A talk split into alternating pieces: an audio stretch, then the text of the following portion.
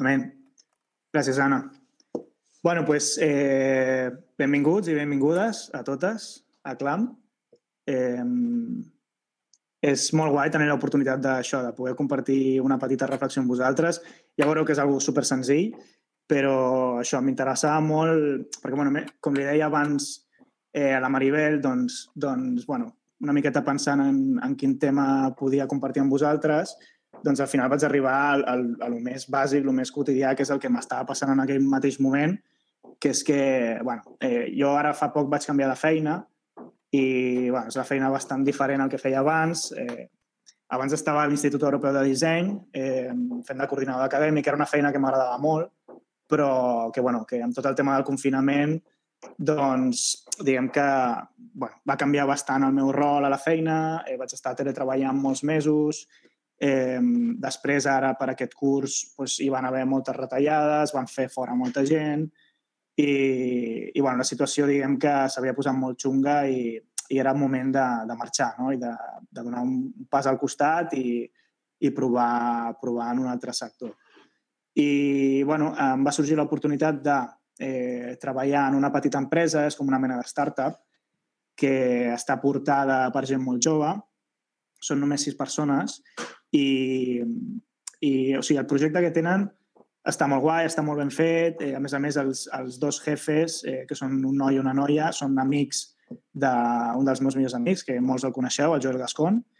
Així que, bueno, tenia molt bones referències d'aquest curro i, i era una molt bona oportunitat. El que passa és que al final la feina que faig jo és de comercial. O sigui, estic tota l'estona trucant per telèfon, enviant mails, intentant doncs, eh, trucar a la porta de la gent, dels possibles clients, perquè comprin les nostres matèries primes. Nosaltres importem matèries primes que venen a ser polvitos blancos, eh, d'aminoàcids, vitamines, proteïnes, eh, etc etc. Ho comprem a fabricants eh, a la major part asiàtics i importem aquí a grans empreses, pues yo qué sé, pues eh, los edulcorantes de Zumosol, ¿de dónde vienen? Pues d'aquí, per exemple, no?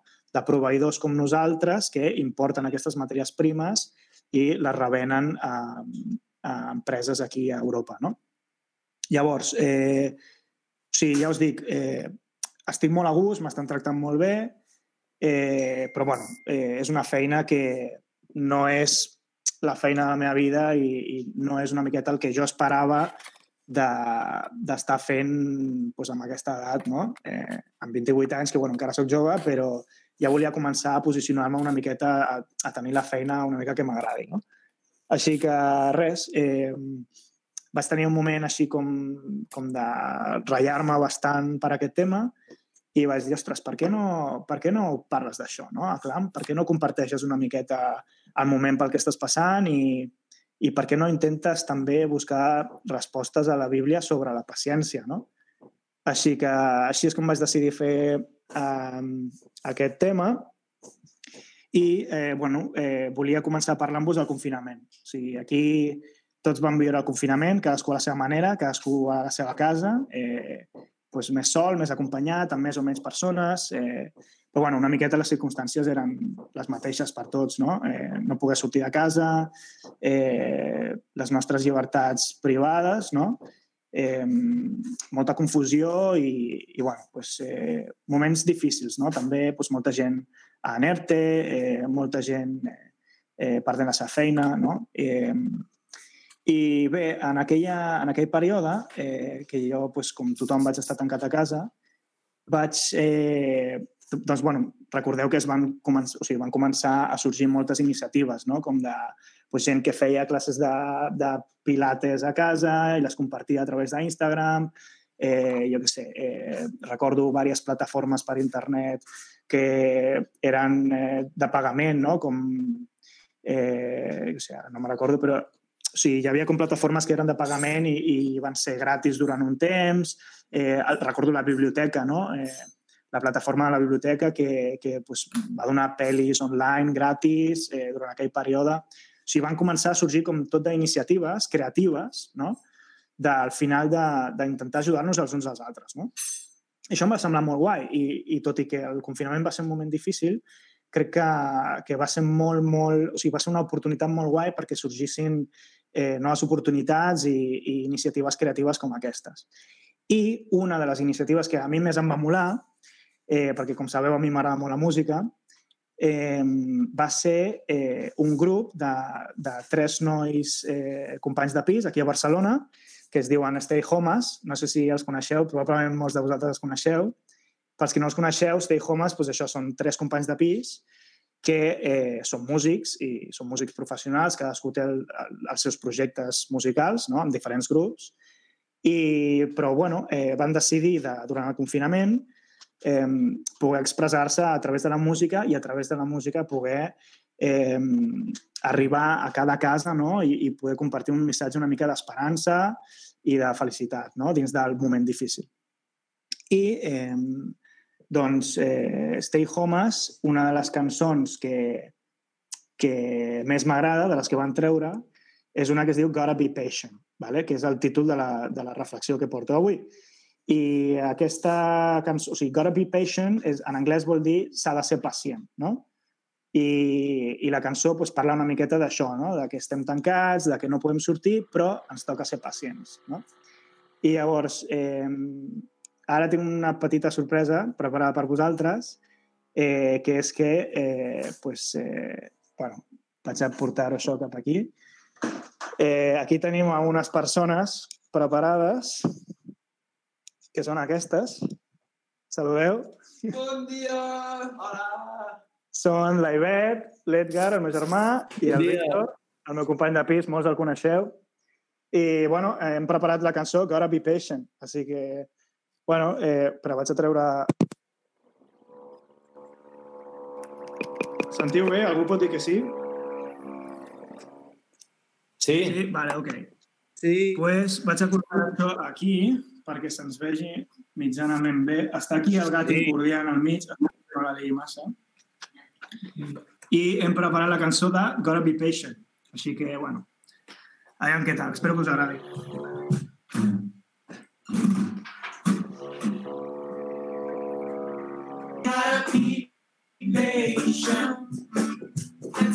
something ancient.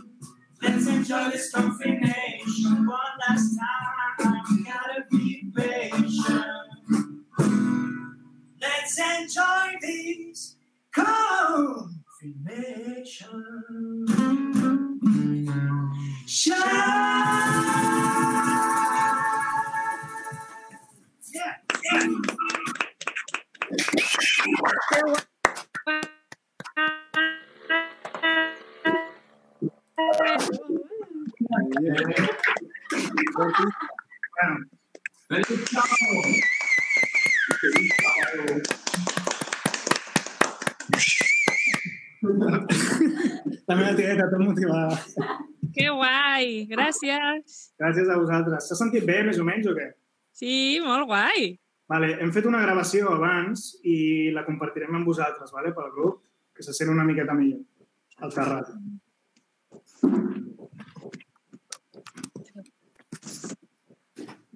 Vale. Hola? Sentiu, no? Sí? Vale, perfecte.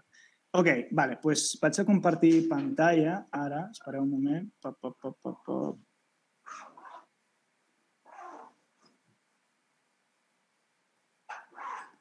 Vaig a compartir...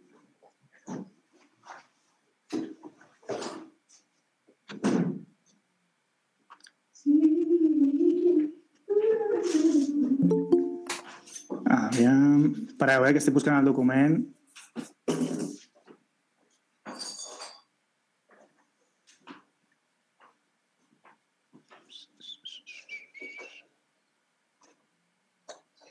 Vale, aquí está. Ok.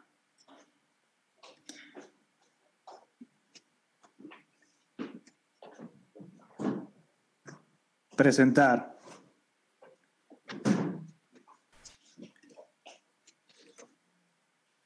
Vale, podeu veure la meva pantalla? Us veieu vosaltres mateixos?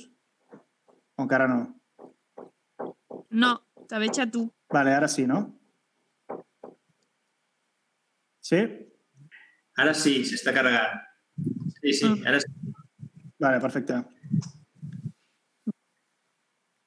Molt bé. Doncs eh, aquest és el tema, Gotta be patient, com deia abans, i eh, um, el capítol, o sigui, el verset de la Bíblia o el passatge de la Bíblia que volia compartir amb vosaltres, que anava una miqueta relacionat amb el tema de la paciència, és Jaume, que és Santiago en castellano, que no ho sabia jo, eh, 5 del 7 a l'11. Vale?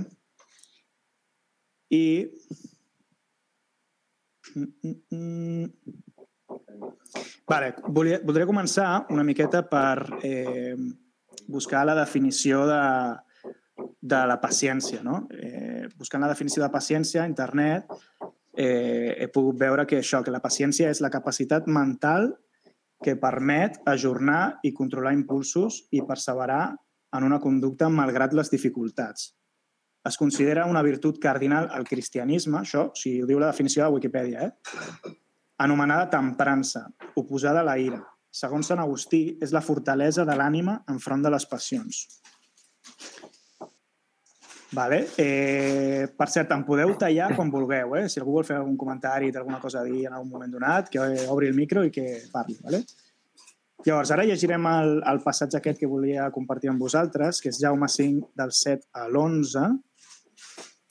Vale? I començarem per eh, els versets 7 i 8, que diuen així. Tingueu paciència, germans, fins que vingui el Senyor.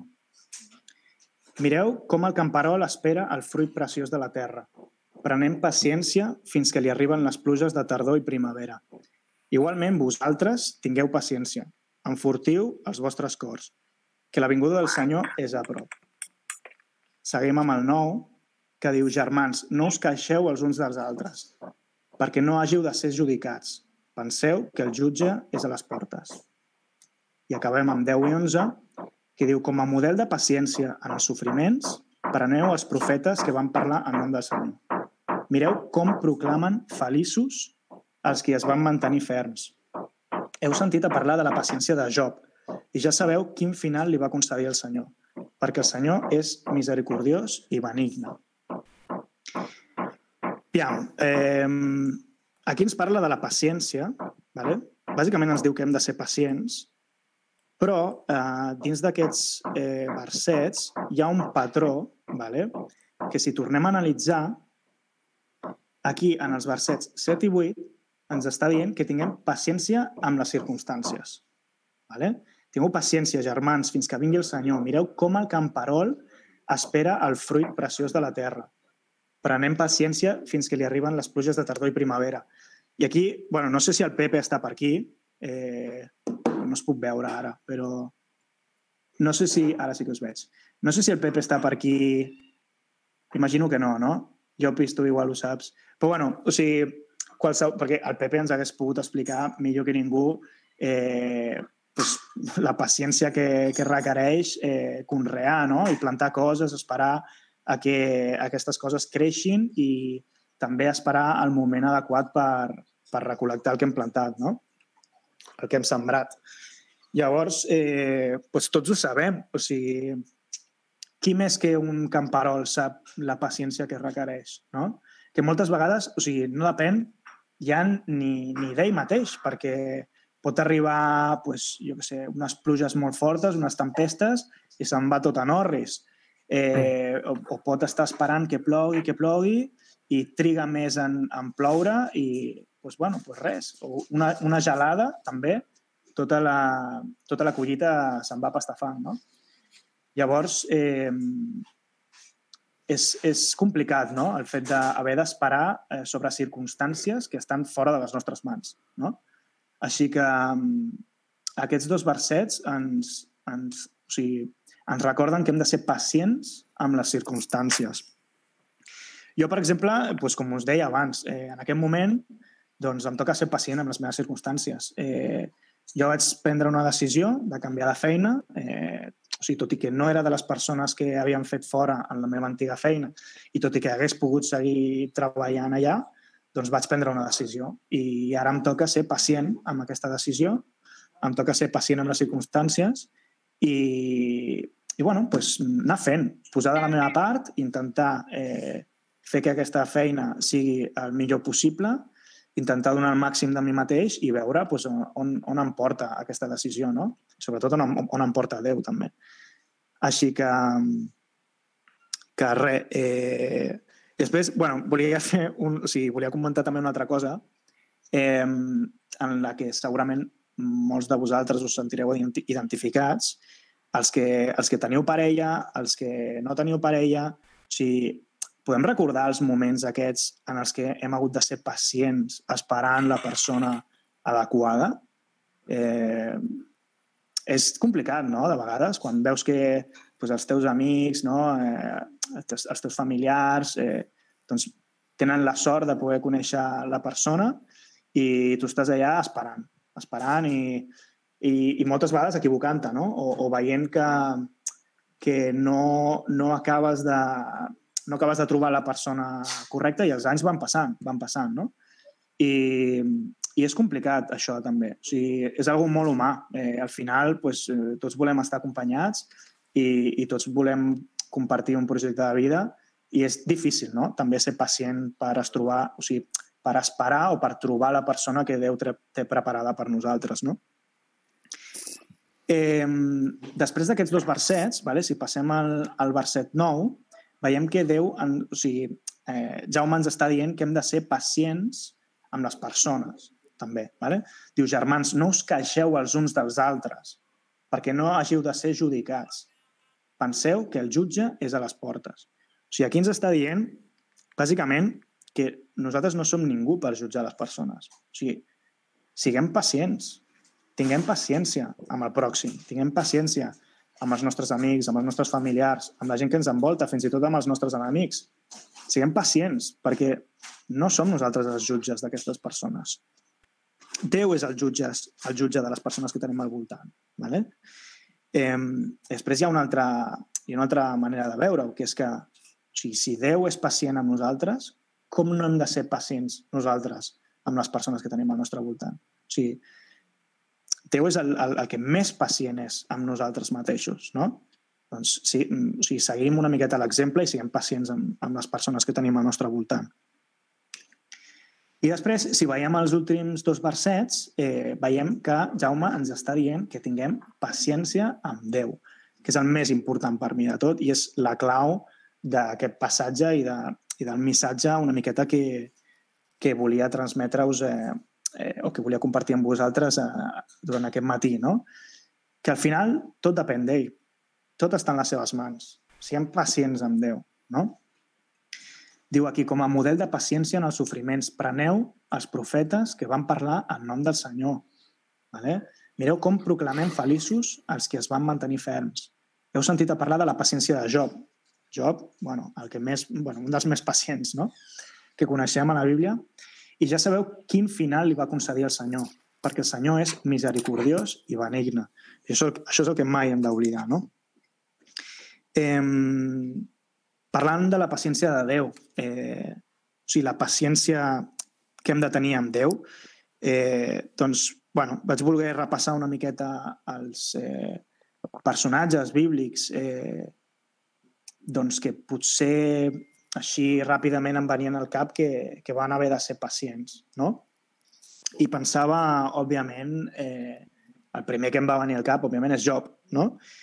O sigui, Job en un mateix dia perd totes les seves propietats, eh, les seves riqueses, els seus deu fills i els seus servents. Després cau malalt, tenint la pell plena de llagues, que m'imagino que devia ser horrible, super molest. La seva dona a sobre li diu que maleeixi el senyor pel que li està passant, ¿vale? eh, i ell, tot i que està fet caldo, jo al, jo al senyor en la seva oració, ¿vale? i segueix jugant al senyor. Després, o sigui, més tard, o sigui, per si això no fos suficient, després més tard arriben i el visiten tres amics i s'estan una setmana sencera asseguts al seu costat tot el dia en silenci, en senyal de respecte pel seu patiment. Set dies, o sigui, imagineu-vos, o sigui, això es diu ràpid, imagineu una situació. Venen tres amics a compartir una miqueta aquest moment amb tu, no? a, a solidaritzar-te amb el teu patiment, set dies asseguts, sense dir ni una paraula, i al cap de set dies Job obre la boca i quan obre la boca els seus amics li diuen que això que li està passant segurament s'ho mereix. I no només això, sinó que li diuen que probablement mereix més fins i tot del que li està passant. Que algú ha fet, ¿vale? Algú ha fet per mereixer això que li està passant. O sigui, ens podem arribar a imaginar com se sentia Job en aquell moment. O sigui, molta paciència. Eh, I bueno, tots sabem el final de la història, no? Déu el va beneir encara més, molt més, del que estava beneït abans de que li passessin totes aquestes coses. No? Un, altre, un altre personatge bíblic eh, que em venia al cap és eh, Josep, José, no? el fill de Jacob. Eh, venut pels seus propis germans, no està mal. Per 20 peces de plata, vamos, por una bolsa de quicos y, y unas olivas rellenas de anchoa. Eh, esclau a Egipte, després empresonat per un delicte que no va cometre, o sigui, a saber quant de temps es va passar a la presó. O sigui, no sé si a la Bíblia ho posa clarament, però crec que no. Però quant de temps es deuria passar a la presó? Segurament no serien dues setmanes o un parell de mesos. O sigui, segurament devia ser molt de temps. I Josep havia de ser molt pacient, molt pacient. Um, I com va acabar la seva història? Doncs també tots ho sabem. Beneït per Déu, sent una de les persones més influents en tot Egipte, una de les persones més poderoses, més importants, eh, donant-li una lliçó als seus germans després, quan, quan es retroba amb ells, no? eh, reunint-se de nou amb el seu pare i amb el seu germà petit. Eh, pues és una història molt maca i, i quan la llegeixes pues, eh, ostres, impacta no? eh, la paciència que devia tenir Josep. No? Uh, un altre personatge, Moisès. No? Moisès, expulsat d'Egipte, 40 anys pasturant ovelles, tot ratllat, pensant en si Déu l'havia perdonat o no del que havia passat a Egipte, eh, incloent haver matat una persona, que no és poca cosa. Eh, imagineu, no? 40 anys allà pasturant les ovelles i pensant, ostres, Déu, tal, m'haurà perdonat, què vaig fer? Vaig escapar, vaig deixar el meu poble enrere, els vaig deixar tirats... 40 anys. Eh, no sé quants anys també liderant un poble que no parava de liar-la. O sigui, constantment. Incloent 40 anys també vagant pel desert. Vale? Eh, que si ara ens queixem de que ens persegueixen els, egipti, els egipcis, que si ara tenim gana i maleïm Moisès i el propi Déu per treure'ns d'Egipte, eh, que si ara fem una vaca d'or i comencem a adorar-la... O sigui, quina paciència, no?, la de Moisès. O sigui, jo, em fa molta gràcia, ho parlava l'altre dia amb el Víctor, mentre li explicava una mica que estava preparant aquest tema i de què anava, i o sigui, em fa molta gràcia, realment, el moment aquest de, de Moisès eh, baixant amb, amb les tables de la llei, no? després d'haver-se passat eh, pues, no sé quantes setmanes, un, un mes, em sembla, por ahí, o 40 dies, potser. Eh, això m'ho direu després, vosaltres. pues això, de, després d'haver passat eh, molts dies amb comunió amb Déu, o sigui, que és una de les persones que, que, que parla, parla amb Déu directament, no? amb comunió, amb pau, amb, amb Déu, transmetent-li eh, les seves ensenyances, eh, els seus coneixements, eh, Déu donant-li les directrius eh, que el seu poble haurà de seguir d'ara endavant, no? I me l'imagino baixant amb aquesta pau, ostres, sentint-se ple eh, amb les taules de la llei i baixar allà baix i veure aquell merder Imagine, imagineu el cabrejat que devia estar per agafar les tables que li havia donat Déu, tirar-les al terra i rebentar-les contra el terra. O sigui, no m'ho puc ni imaginar. El tio devia estar desquiciat, saps? I venga, para arriba otra vez pel monte a hacer unas tablas nuevas, saps? Molta paciència, molta paciència. Em sembla al·lucinant. Moisès, molt pacient el tio.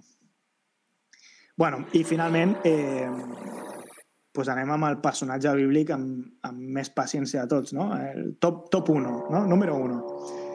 Eh, Jesús, òbviament. No?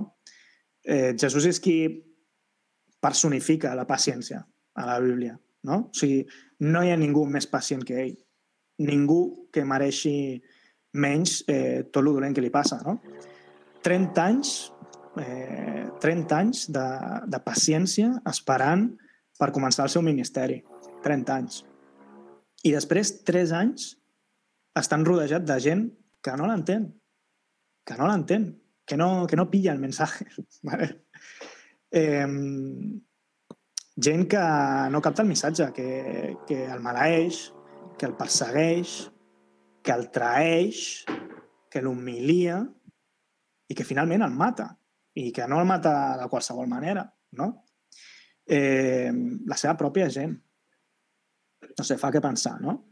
La paciència de Jesús, no? Ens reflexa també la paciència de Déu, que està constantment esperant, eh, esperant des de l'inici dels temps, esperant eh, pacientment a que li obrim la porta del nostre cor, esperant a que l'acceptem com el nostre Salvador, esperant a que acceptem el seu regal de vida eterna. Espera, ell espera. Déu és pacient. Déu en sap de paciència. Sap molt. Eh, bueno, fins aquí una miqueta la reflexió que volia compartir amb vosaltres. Eh, M'agradaria que ara poguéssiu una miqueta compartir eh, les vostres experiències de paciència, els moments en els que us heu sentit eh, cansats d'esperar, els moments en els que us heu sentit frustrats de, de voler una cosa, una cosa per les vostres vides i de no, i de no tenir-la. Eh, els moments de sentir-se derrotats, bàsicament els moments en els que heu, de, heu, heu hagut de ser molt pacients, molt pacients. I m'agradaria sentir també, eh, segons les vostres experiències, o sigui, com Déu eh, en aquells moments, o potser no, no necessàriament en aquells moments, sinó més endavant, doncs Déu eh, va respondre a aquesta paciència que vau tindre. No? I, I us va donar una resposta a les vostres oracions. I, I potser no era el que estàveu demanant amb tanta insistència o el que creieu vosaltres que, que necessitàveu tant, no? sinó que és el que Déu va saber que era bo per vosaltres. No? Eh, així que res, fins aquí. Espera, vaig deixar de compartir pantalla. Gràcies a, a totes per haver-me escoltat avui i per haver, eh, no sé, també per haver escoltat eh, doncs aquestes preocupacions meves, aquest moment pel que estic passant i perquè, bueno, segurament vosaltres tindreu moltes històries per compartir, així que, així que això, m'agradaria que, doncs que poguéssiu anar compartint les vostres històries de paciència i una miqueta el que penseu sobre aquest passatge bíblic, el que penseu sobre sobre també aquests personatges que he mencionat o altres eh, que no he mencionat. Així que ara us toca a vosaltres, us escolto.